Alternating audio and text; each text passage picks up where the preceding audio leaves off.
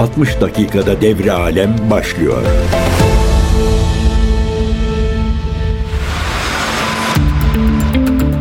CGTN Türk Radyo'dan herkese merhabalar. Ben Erkin Öncan. Yeni haftanın ilk dünya turuna çıkıyoruz. Yine dünyada, dünya çapında yaşanan önemli e, sayıda gelişme var. Yine gündemimiz dolu dolu. Ama ben ilk olarak bir e, aslında Türkiye'yi de ilgilendiren bir e, gündemle başlamak istiyorum. Cumhuriyet Halk Partisi'nin eski lideri Kemal Kılıçdaroğlu bugün Cumhuriyet Gazetesi'nin olaylar ve görüşler kısmında önemli bir makale kaleme aldı. Başlığı Çin bir kalkınma makinesi e, yazının ve e, Çin'in e, planlı ekonomisi, gelişme stratejisi ve diğer ülkelerle kurduğu ilişkiler gibi başlıklarda genel bir Çin tarifi var. Sağlıklı bir planlamayla kaynaklarını en iyi, en verimli şekilde kullanmayı başaran ülke diyor Sayın Kılıçdaroğlu Çin Halk Cumhuriyeti için. Üniversiteleri bilgi üreten ülke, yetenekli gençlerini dünyanın en önemli üniversitelerine göndererek yüksek yetenek inşasını sağlayan ülke, bir teknoloji devi olma yolunda hızla ilerleyen ülke, enerji kaynaklarının yetersizliğine rağmen kalkınma makinesine dönüşen ülke, evet kısaca Çin'i böyle tanımlayabiliriz ifadelerine yer verilmiş yazıda. Yazı tabii Çin'in e, ekonomik başarılarına odaklanıyor daha çok. Diyor ki Sayın Kılıçdaroğlu, içeride bir kalkınma makinesine dönüşen Çin, İpek Yolu projesiyle Orta Asya Kafkanlar ekseninde Karadeniz ve Akdeniz'e bağlanmak, bağlanmak istemektedir diyor. Türkiye'nin de bu projeden büyük yararlar sağlayacağı kesin. Burada kritik soru şu diyerek Afganistan'daki rejim değişikliğine de dikkat çekiyor. Çin'in Afrika ilişkilerine de değiniyor Sayın CHP eski lideri. Çin'in sadece Asya Pasifik'te değil Afrika'da da önemli bir güç olarak kendisini gösterdiğini biliyoruz. Devletlerin iç işlerine karışmayan hatta yönetimlerine saygı duyan Çin yatırımlarıyla Afrika'da en güçlü aktör konumunda. 100 bine aşkın Afrikalı üniversite öğrencisi Çin'de eğitim görüyor. Ayrıca Afrika ile olan ticareti de her yıl artarak devam etmektedir. Batılıların koloni döneminden kalma olumsuzlukları da Afrikalıların Çin'e sempatiyle bakmalarını sağlıyor e, demiş. E, petrol savaşlarından bahsediyor yazısında Sayın Kılıçdaroğlu çip savaşlarından bahsediyor. Amerika'nın e, Çin'e yönelik ekonomik yaptırımlarından e, bahsediyor. Bu politikanın ana güvenlik olduğunu söylüyor. Amerika'nın Çin'e e, çip krizi üzerinden yaptığı hamlelerin e, Amerikalı yetkililerin açıklamalarına yer veriyor aynı zamanda Çin'e karşı yaptıkları ve e, Türkiye'nin de e, bu konuda Çin'le işbirliği e, yapabileceğini e, söylüyor Sayın Kemal Kılıçdaroğlu. Böyle genel bir e, hatta yazıda sadece Çin değil Japonya, e, Güney Kore, Vietnam'da örnekler e, arasında gösteriliyor. E, Cumhuriyet Gazetesi'nde olaylar ve görüşler e, kısmında yayınlandı bu yazı Sayın Kılıçdaroğlu'nun hatta uzun süre sonra sessizliğini Çin'le e, bozması da e, önemli bir e, ilginç bir gelişme olarak e, notumuzda gündemimizde yerini aldı. Kılıçdaroğlu'nun Çin yazısıyla başladık. Orta Asya'dan devam edelim. Kırgızistan'da biliyorsunuz bayrak e, değiştirilmişti ülkenin ulusal bayrağı. Ülkenin ulusal bayrağının da e, yeni bayrağın başkent Bişkek'te törenle göndere çekildiği haberi geldi. E, bütün Meclis Başkanı Nurlanbek Şakiyev, Bakanlar Kurulu Başkanı Akılbek Caparov, Alato Meydanı'nda yapıldı bu tören ve göndere çekildi. Kırgız Milli Marşı çalındı bu esnada. Askerler de bayrağı çekti. Bu Meclis Başkanı Şakiye ve Milletvekili olan Primo tarafından hazırlanmıştı. Kırgız Cumhuriyeti devlet sömürüleri hakkında e, kanunda değişiklik yapılmasına dair kanun teklifi Aralık ayında gündeme gelmişti. Ve aslında Kırgızistan kamuoyunu da epey meşgul etmişti. E, bir kesim bu gelişmeyi olumlu görmüştü. Başka bir kesim de bayram değil seyran değil niye biz bayrağı değiştiriyoruz? Bayrak değiştirilince ülkedeki her yerdeki bayraklar da değiştirilecek. Acaba Hmm, bundan e, fayda sağlayacak çeşitli şirketler mi var e, veya çeşitli çevreler mi var diye eleştirilerde yöneltilmişti. Hindistan'dan devam ediyoruz. Hindistan'la Maldivler arasında bir e, gerilim var. Çok dünya gündemine girmedi. Maldivler Gençlik Bakanlığı'nda görevli 3 yetkili Hindistan ve Başbakan Narendra Modi hakkında sosyal medya paylaşımlarında bulunmuşlar ve bunun üzerine de Hindistan Yeni Delhi Maldivlerin Yeni Delhi Büyükelçisini Dışişleri Bakanlığı'na çağırmış. Hindistan Times'ın haberi bu. E, üç yetkili e, alaycı sosyal medya paylaşımlarında bulunmuşlar. Bu da Hindistan kamuoyunda tepkiyle karşılanmış ve Maldivlerin Yeni Delhi Büyükelçisi İbrahim Şahip Dışişleri Bakanlığı'na çağrılmış. E, nasıl alaycı paylaşımlar? Hindistan ve Modi hakkındaki paylaşımlarda palyaço nitelemesinde bulunmuşlar. Alaycı emojiler kullanmışlar. Maldivler Gençlik Bakanlığı yetkilileri Meryem Şihuna, Maşa Şerif ve Mahsum Majid ve görevlerinden alınmışlardı bu isimlerde. Maldivler Dışişleri Bakanlığı da konuyla ilgili açıklamasında sosyal medya platformlarında yabancı liderlere ve üst düzey e, kişilere yönelik aşağılayıcı ifadelerden haberdar olunduğunu söylemişti. Bu görüşler kişiseldir. Maldivler hükümetinin görüşlerini temsil etmemektedir diye de bir açıklama yapmışlardı. Asya'dan devam ediyoruz. Ee, konumuz Myanmar. Myanmar'da bir askeri darbe gerçekleşmişti hatırlarsınız. Ne zaman gerçekleşmişti? 2021 tarihinde 1 Şubat 2021'de hatta çok viral olan bir görüntüsü vardı. Bir tane Myanmarlı bir e, aerobikçi aynı zamanda sosyal medya fenomeni kameralar önünde dans ederken aerobik yaparken arkasından çok sayıda tankın e, darbe e, için organizasyonlar kapsamında ilerlediği görüntülerde o darbenin en çok öne çıkan görüntüsü olmuştu. 1 Şubat 2021'de iktidardaki liderliğe ve kabinesine karşı gerçekleştirilmişti bu darbe ve e, parlamentoda e, önemli bakanlıkların sandalyelerinin %25'ini oluşturmasına rağmen e, darbe gerçekleştirildi. Bu yeni yönetime gelen junta da ülke yönetimini bir yıl süreyle devraldığını açıklamıştı. 2 Şubat 2021'de de Myanmar Genelkurmay Başkanı Min Aung Hlaing başkanlığında üst düzey 8 askerden ve 3 sivilden oluşan bir yürütme yetkisine sahip Devlet İdare Konseyi kurulmuştu. Ulusal Demokrasi Ligi e, partisine karşı düzenlenmişti bu darbe. 2020 Myanmar genel seçimlerinde bir zafer kazanmıştı. E, Myanmar bu arada Burma olarak da e, biliniyor ve 1948'de İngiltere'den bağımsızlığını e, ilan ettiğinden bu yana aslında sürekli bir siyasi e, çalkantı dönemleri yaşıyor bu ülke. Yani yine ne gördük? Yine bir eski e, Batı ülkesi sömürgesi ve yine bir türlü siyasi iktidarını, e, siyasi ve istikrarı tam olarak oturtamaması durumu var. Çünkü ülke hala e, özellikle batılı güçler tarafından e, çok sayıda müdahaleye maruz bırakılmıştı. Aung San Suu Kyi e, Myanmar lideri devrilen 30 Aralık 2022'de yargılanmaları ve başka bir mahkumiyet ve yolsuzluktan ötürü 7 yıl hapis cezası ile sona erdi. Bu arada Aung San Suu Kyi yani devrilen devrik liderin cezası toplam cezası da 33 yıl hapis oldu. Şimdi son olarak Myanmar'da e, çeşitli silahlı çatışmalar hala devam ediyor. Darbecilere karşı savaştığını söyleyen bazı silahlı örgütler var, direniş örgütleri var ve ülkenin kuzeybatısında ki önemli bir bölgeyi aslında ele geçirdiler. Baya böyle aslında içerisinde önemli miktarda yerleşim yeri de bulunan, bulunan bir bölge. Ee, bunun dışında da Myanmar ordusu direnişçilerin kontrolündeki köye düzenlediği hava saldırısında e, düzenlediği iddia ediliyor. 9 çocuk 17 sivil hayatı kaybetmiş bu hava saldırısında Associated Press'in haberi Hindistan e, sınırında yer alan Sagaing bölgesinde gerçekleştirilmiş bu hava saldırısı ve burada direnişçilerin kontrolündeki Kanan köyüne dün sabah saatlerinde yapılmış bu saldırı e, ve e, yerel halk veya bölgeyi takip eden çeşitli kuruluşlar saldırıyı teyit etmişler. Myanmar ordusu da böyle bir saldırının düzenlenmediğini savunmuş. Tabi Myanmar'da e, dikkatimi çekiyor. Son 1-2 haftadır çatışmalar e, artmış durumda. Gerçi hep orada çatışmalar devam ediyor ama e, dünya basınına da yansımaya başladığına göre orayla ilgili bir şeyler olacak demektir. Belki de Myanmar konusu e, diğer bizim 60 dakikada devre alem programında sabit konularımız haline gelebilir. Devam ediyoruz. Sabit konularımız demişken İsrail ordusu Lübnan'ın güneyinde Hizbullah'a ait bazı hedefleri vurduğunu duyurdu. Bir yazılı açıklama yapıldı. Lübnan'ın Mervahin bölgesindeki Hizbullah hedeflerinin vurulduğu açıklandı. İsrail topraklarına ateş açmak için kullanılan bir düzeneğin ve İsrail'e yönelik tank savar füze fırlatma işleminin gerçekleştirildiği bölgede hedef alınmış. Aynı zamanda Lübnan resmi ajansında da bir haber var. Gece saatlerinde İsrail ordusu Meysel Cebel beldesini bölgesinin kuzeydoğusundaki Kerkezan bölgesini fosfor bombalarıyla vurmuş. Haberde aynı zamanda İsrail güçlerinin Hula beldesinin ve çevre bölgelerinin de e, saldırılara e, saldırı düzenlediği de kaydedilmiş. İsrail ile Hizbullah arasındaki çatışmalar 8 Ekim tarihinden beri devam ediyor. 8 Ekim tarihi nedir?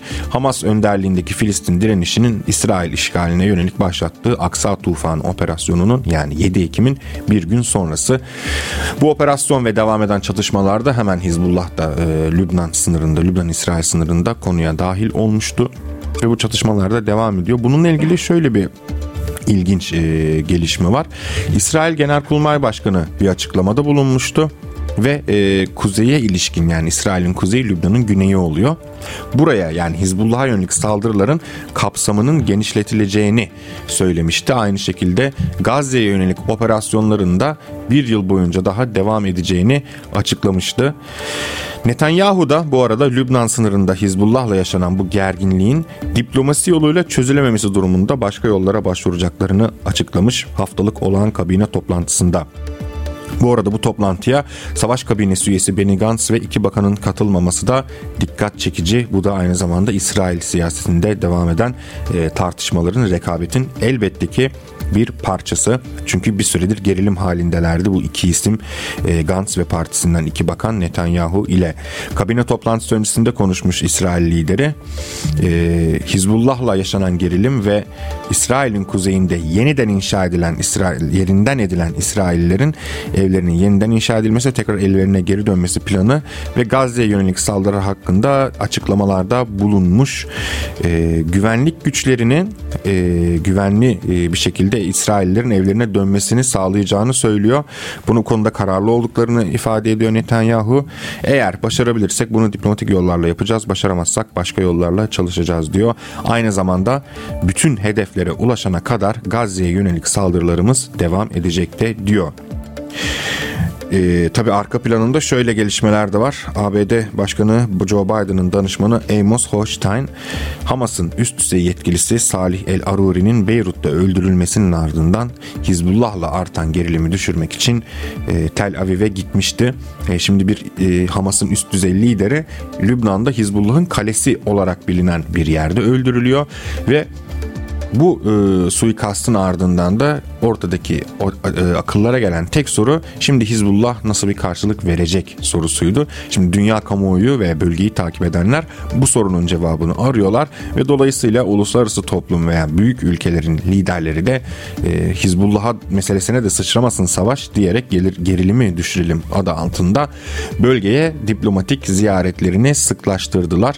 Hatta Lübnan e, liderliği de Hizbullah'la konuşacağını ve sınırdan geri çekmeye çalışacaklarını söylemişti. Ama Hizbullah çekilir mi? Muhtemelen çekilmeyecek ve İsrailli yetkililerin diplomatik çabalar başarısız olursa Hizbullah'a e, askeri harekat seçeneğine başvurmakta kararlı olduğu da e, biliniyor ve hatta Hochstein'a da yani Joe Biden'ın danışmanı, kıdemli danışmanı bunu bildirdikleri iddia edilmişti basına yansıyan haberlere göre.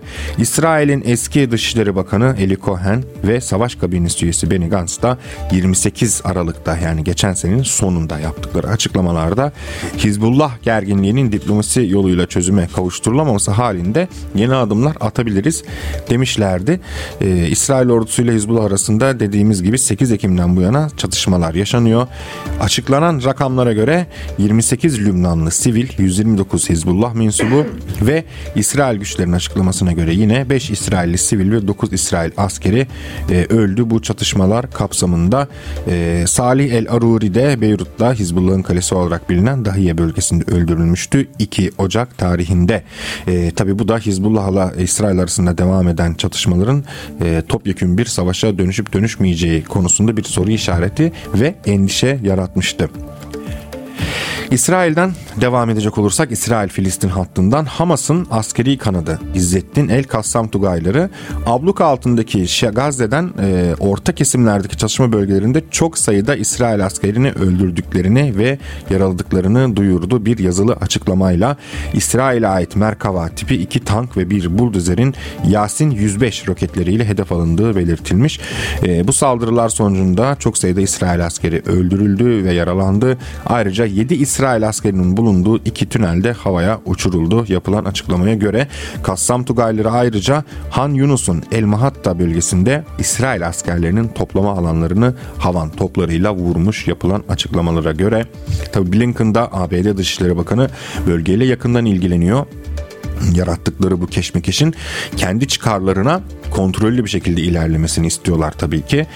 Bir açıklama yapmış. Filistinli siviller koşullar el verir vermez evlerine dönebilmelidir demiş. Burada tabii Blinken'ın kastettiği koşullar e, Filistin halkının kendini e, yönetemediği, kendi siyasi iradesini hayata geçiremediği, İsrail'in Siyonist e, Müslüman düşmanı ve baskıcı rejimi altında e, yaşanacak bir Gazze'den bahsediyor. ABD Dışişleri Bakanı. Katar'ın başkenti Doha'da Katar Başbakanı ve Dışişleri Bakanı Şeyh Muhammed bin Abdurrahman Al Sani ile bir basın toplantısı düzenledi. Orada yaptı bu açıklamaları. Filistinli siviller koşullar el verir vermez evlerine dönebilmelidir diyor ve Filistinlilerin Gazze'yi terk etmeye zorlanamayacağının ve zorlanmaması gerektiğinin de altını çiziyor. E nasıl olacak bu iş peki? Bir yandan İsrail'e verilen yoğun askeri siyasi destek, e bir yandan e, Filistin halkının siyasi iradesini hiçbir şekilde tanımama, e bir yandan bir devlet olarak zaten yıllardır Orta Doğu bölgesinde bulunma, orada siyasi e, organizasyonlar yapma, e, komplolar kurma, işgallerde bulunma, e, vekil güçlerini besleme, silah yardımları yani her şeyi yapıyor ama bir yandan da işte diplomatik toplantılarda deniyor ki işte aman siviller ölmesin, aman insanlara kötü davranılmasın. Yani İsrail'de e, olan şey Orta Doğu ülkelerinin diğer e, diğer Orta Doğu ülkelerinde de olmuyor muydu? Oluyordu. Irak'ta Amerikan işgalinin yarattığı yıkımı gördük. Suriye'de Amerikan destekli radikal İslamcı çetelerin veya yine Amerika destekli YPG gibi e, örgütlerin e, ne yaptığını, ne işe yaradığını gördük artık. Bugün onların hepsi Amerika'nın bölgenin e, yeraltı kaynakları başta olmak üzere sömürülmesinde ve e, Suriye gibi bağımsızlığını e, düşünen ve bağımsızlıkçı bir ülkenin e, orada bir Amerikan karşıtı güç olarak bulunmasına engel olmakta veya bunu e, yok etmek konusunda görevliler. Ama işte her zaman böyle insani açıklamalarda geliyor bir yandan Tabi e, Blinken İsrailli siyasilerin veya İsrail üst düzey yetkililerin son günlerde üst üste açıklamaları var Filistinlerin Gazze dışına göç ettirilmesine yönelik. E, Blinken bu tarz söylemleri de reddettiklerini belirtiyor. Bu söylemlerin sorumsuzca olduğunu ve durumu daha da zorlaştırdığını söylüyor. Yani e, abartmayın bizim dediğimiz şeyleri uygulayın bizim çıkarlarımız neyse zaten e, biz size söyleyeceğiz bunları demeye çalışıyor aslında İsraillilere ama İsrailli diye muhatap oldukları İsrailli yetkililer de İsraillerin en aşırı sağcısı, en kökten dinlisi ve en sağcıları. Dolayısıyla İsrailler de seni bir yere kadar dinler. ABD Dışişleri Bakanı Blinken. Ee, İsrail yönetimi bu arada Gazze'lileri başka ülkeye göndermek istiyor gerçekten. Likud Partisi üyesi örneğin İsrailli milletvekili Danny Danon 15 Aralık'ta Newsweek dergisinde bir e, yazı e, yazmıştı. Gazze'lilere gönüllü göç imkanının sunulmasını da içeren bir e, sözde plan yayın yayımlamıştı. Yazıda ayrıca Filistinlilere Nazi benzetmesi yapmıştı. Şimdi kendileri Yahudiler ya hani düşmanları da Nazi olmak zorunda tarihsel olarak.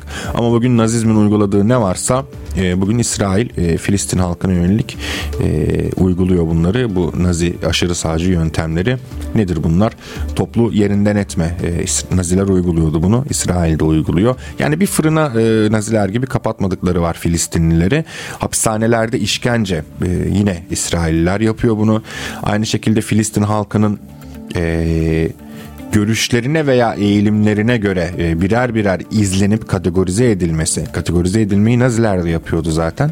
Yani e, bir bölgeyi orada yaşayan bir halka ve o siyasi iradeye sahip olan bir halka rağmen buralar bizim yaşam alanımızdır diyerek hiçbir insan hakkı e, kuralını, kanunu veya hiçbir uluslararası hukuk kanununu düşünmeden, değerlendirmeden, bunları dikkate almadan ora bizim yaşam alanımızdır diyerek bölgeyi işgal etmeleri. Nazilerin yaptığı şey de tam olarak buydu. Lebensraum derlerdi buna. Alman üstün Alman ırkının e, yaşam alanları vardır ve burada Almanlar önceliklidir. Almanlar en önemli pozisyondadır. Burada yaşayan diğer halklar işte e, Almanlara o Aryan ırkına hizmet etmekle yükümlüdür gibi bir tezleri vardı. E bugün İsrail tam olarak aynısını yapıyor.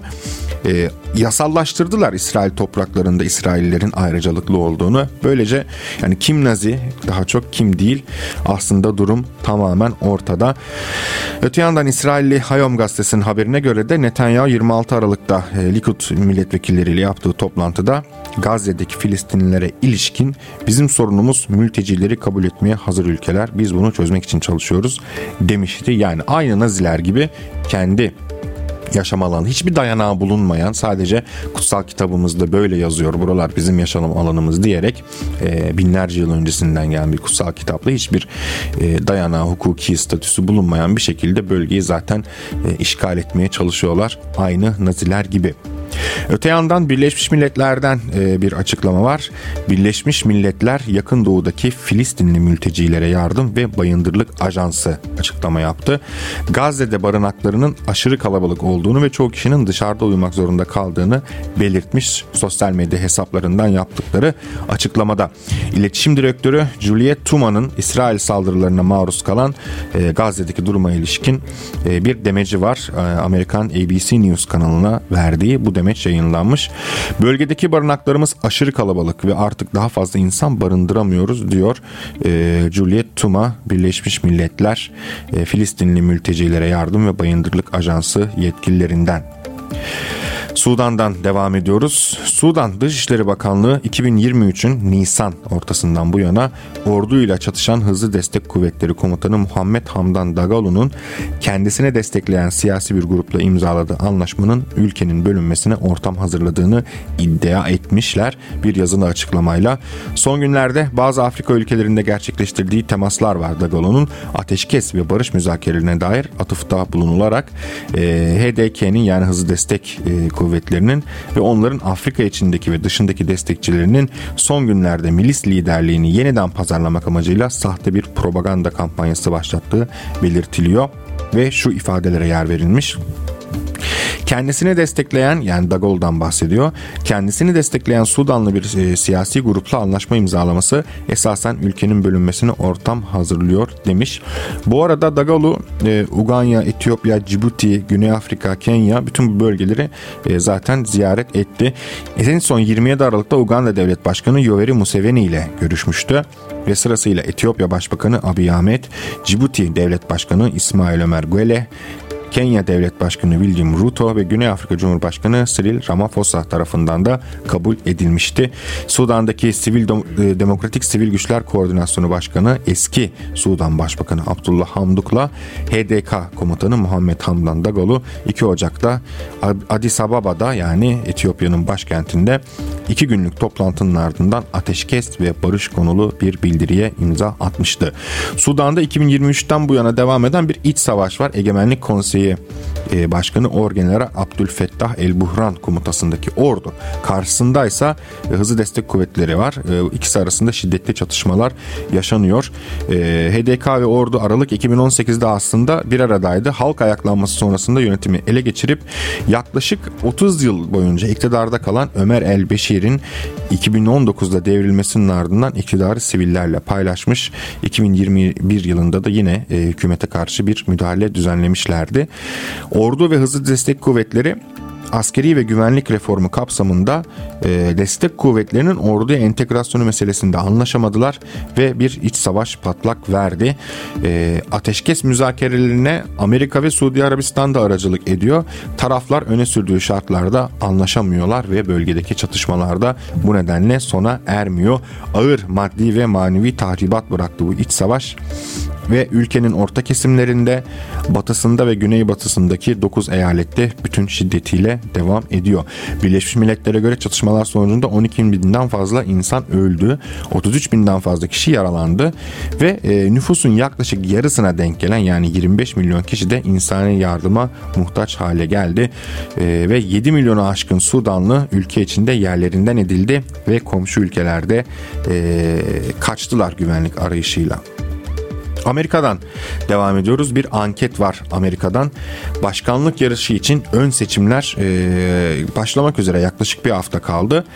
Ve yayınlanan ankette Amerikalı seçmenler e, Joe Biden'ın sınır politikalarını sadece 3'te 1 oranında destekliyorlarmış yaklaşık olarak. CBS kanalı tarafından 3-5 Ocak tarihlerinde yapılan bir anket. Amerikalı seçmenler katılmış. E, Biden'ın Meksika sınırındaki düzensiz göçmenlere karşı uyguladığı politika e, anket konusu. Ve bunu doğru bulup bulmadıkları soruluyor. %32 evet, %68 hayır cevabı almış CBS bu ankette. Ve Biden'ın e, sınır güvenliği konusunda aldığı bu onayın e, kurumun bugüne kadar yaptığı anket CBS'in yani anketlerdeki en düşük rakam olduğu da ifade ediliyor.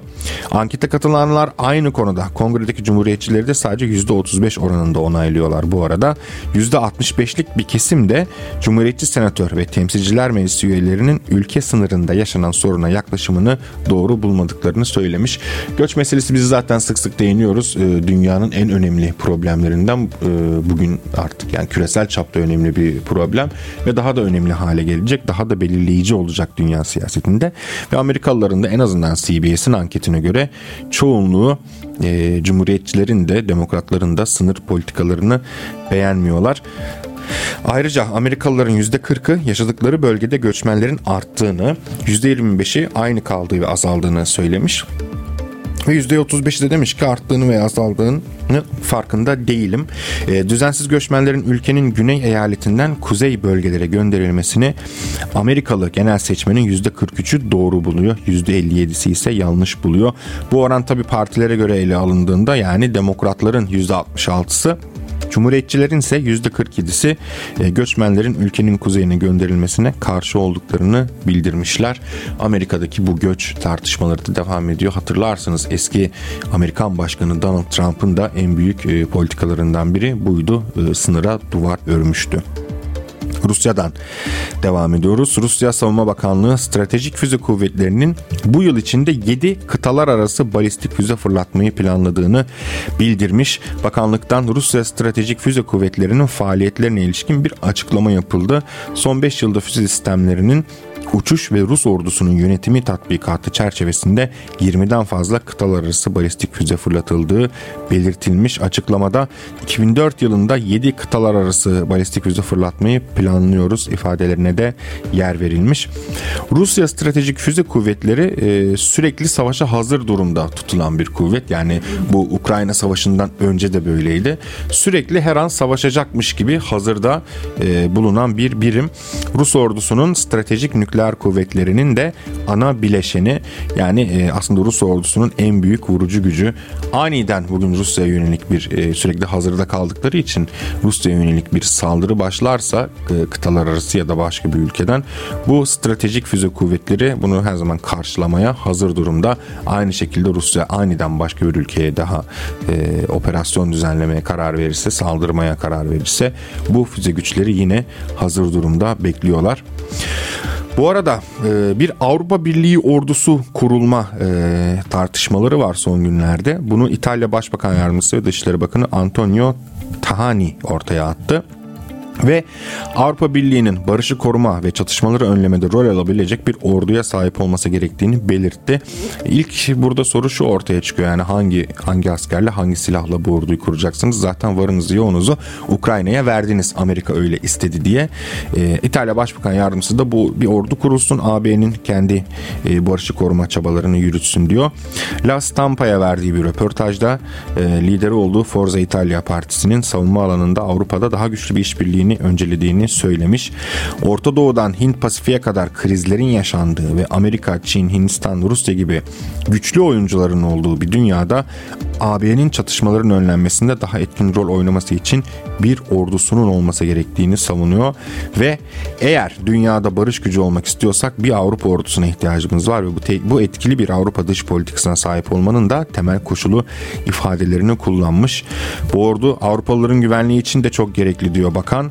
E, AB vatandaşları sadece hali hazırda var olan bir şeyle yani Avrupa Birliği ile konulabilir diyor.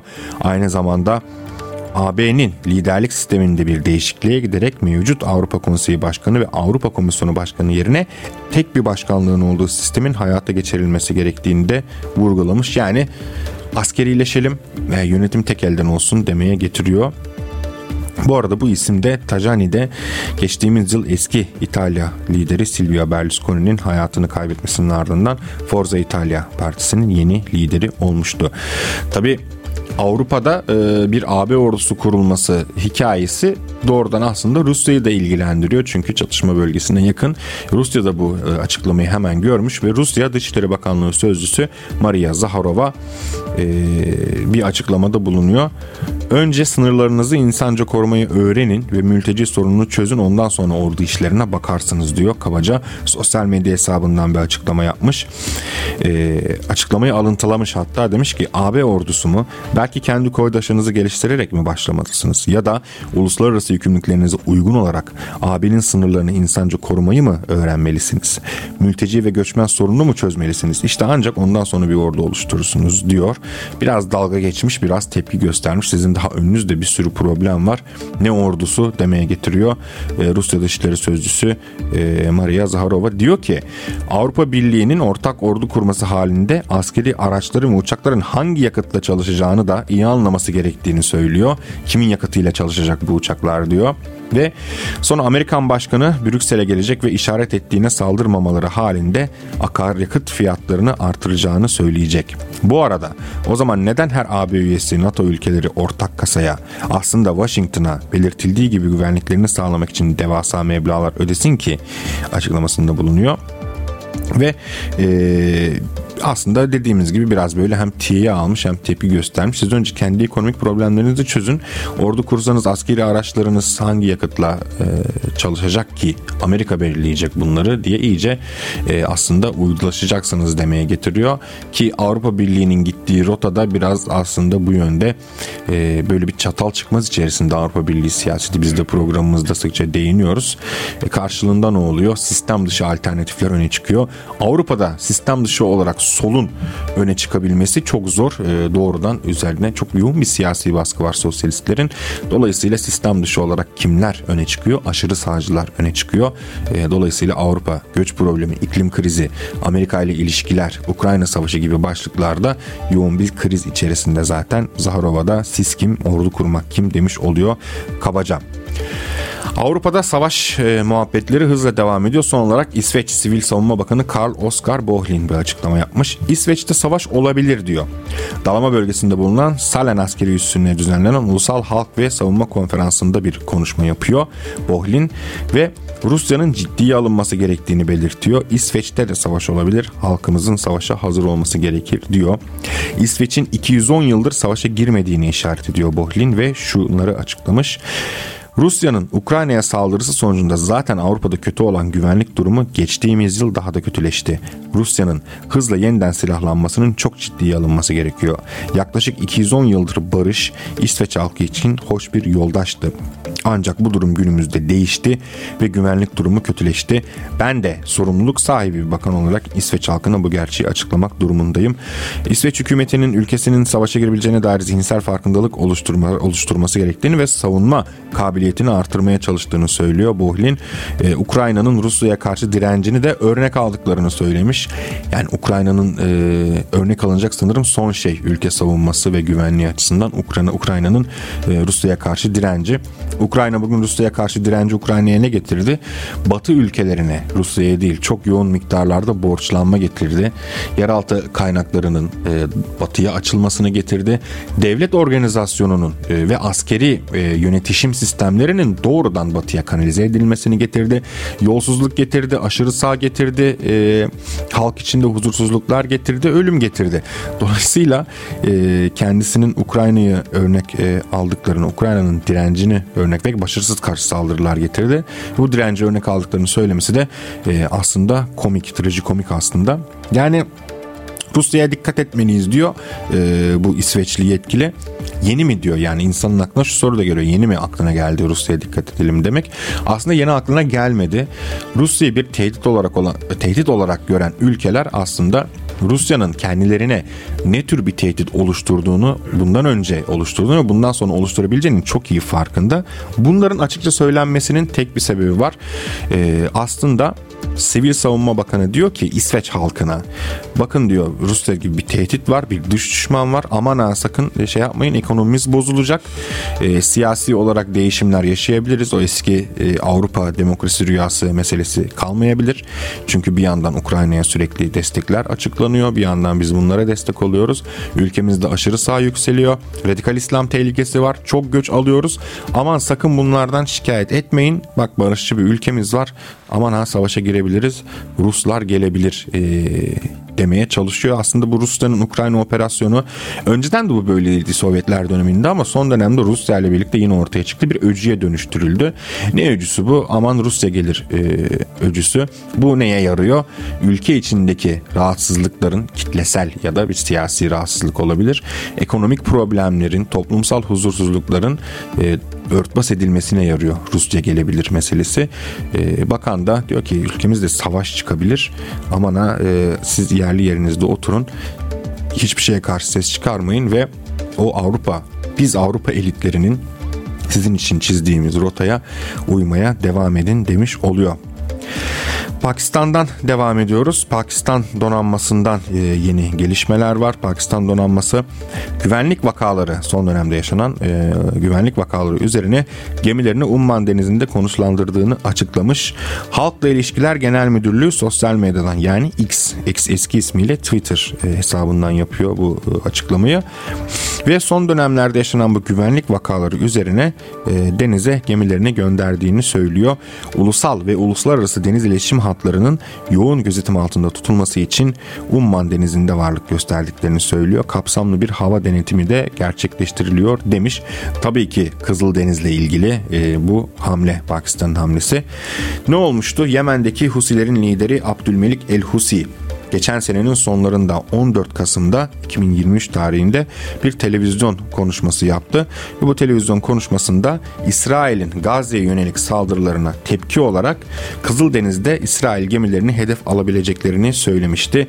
Askeri sözcüsü Husilerin Yahya Seri de kendisinden 5 gün sonra 19 Kasım'da yine bir açıklama yapmıştı sosyal medyadan ve İsrail bandıralı her türlü gemiyi hedef alacağız demişti. E, bu e, saldırılar o Pakistan Pakistan ordusunun söylediği bu güvenlik e, vakaları da tam olarak bununla ilgili. Yine yani son olarak da Amerikan Savunma Bakanlığı 6 Aralık tarihinde bir e, deniz görev gücü kurulması için görüşmeler yaptıklarını bildirmişlerdi. 18 Aralık'ta da Refah Muhafızı Operasyonu adında çok uluslu bir misyonun oluşturulduğunu duyurmuşlardı. Çin'den devam ediyoruz. Çin'in döviz rezerv varlıklarının Aralık 2023'te önceki aya göre %2.1 artış kaydettiği bildirildi. Çin Devlet Döviz Takas İdaresi'nden yapılan açıklamaya göre döviz rezervlerinin Aralık sonunda Kasım'a kıyasla 66.2 milyar dolar artarak 3 trilyon 238 milyar dolara çıktığı aktarılmış. Yani 3 trilyon 238 milyar dolar çok fazla bir döviz, döviz rezervi bu. Ee, aslında buradaki mesele şu. Ee, şimdi Amerika e, bu e, dünyanın genelinde hakim konumda olan o e, tekelci kapitalist sistemde en esas en güçlü para birimi Amerikan doları ve Amerika bu dolar üzerinden dolabı, e, doları neredeyse böyle bir kırbaç gibi kullanarak diğer ülkelerin ekonomileri üzerinde bir hegemonya kuruyor. Bu hegemonya ne anlama geliyor? Amerika'nın aynı zamanda o ülkeleri siyasi olarak etkileyebilmesine, yönlendirmesine de olanak tanıyor. Türkiye için e, mesela düşünelim e, Rahip Brunson olayı vardı. Türkiye ekonomisinin o dönemde ne hale geldiğini ve doğru düzgün o olaydan sonra belinde toplayamadığını da hatırlıyoruz. Yani Amerika bir ülkeye dolar rezervi dayatıyor. Öncelikle o e, ülkenin ekonomisini ekonomik verilerini ve ekonomik e, dalgalanmalarını dolara göre endeksliyor. Esas olarak bu ne demek oluyor? Amerikan dolarına bağımlı dünyadaki ülkeler. E, biz zaten Türkiye'den de biliyoruz ne yazık ki ülkemizin ekonomisi de e, dolar endeksli bir ekonomi.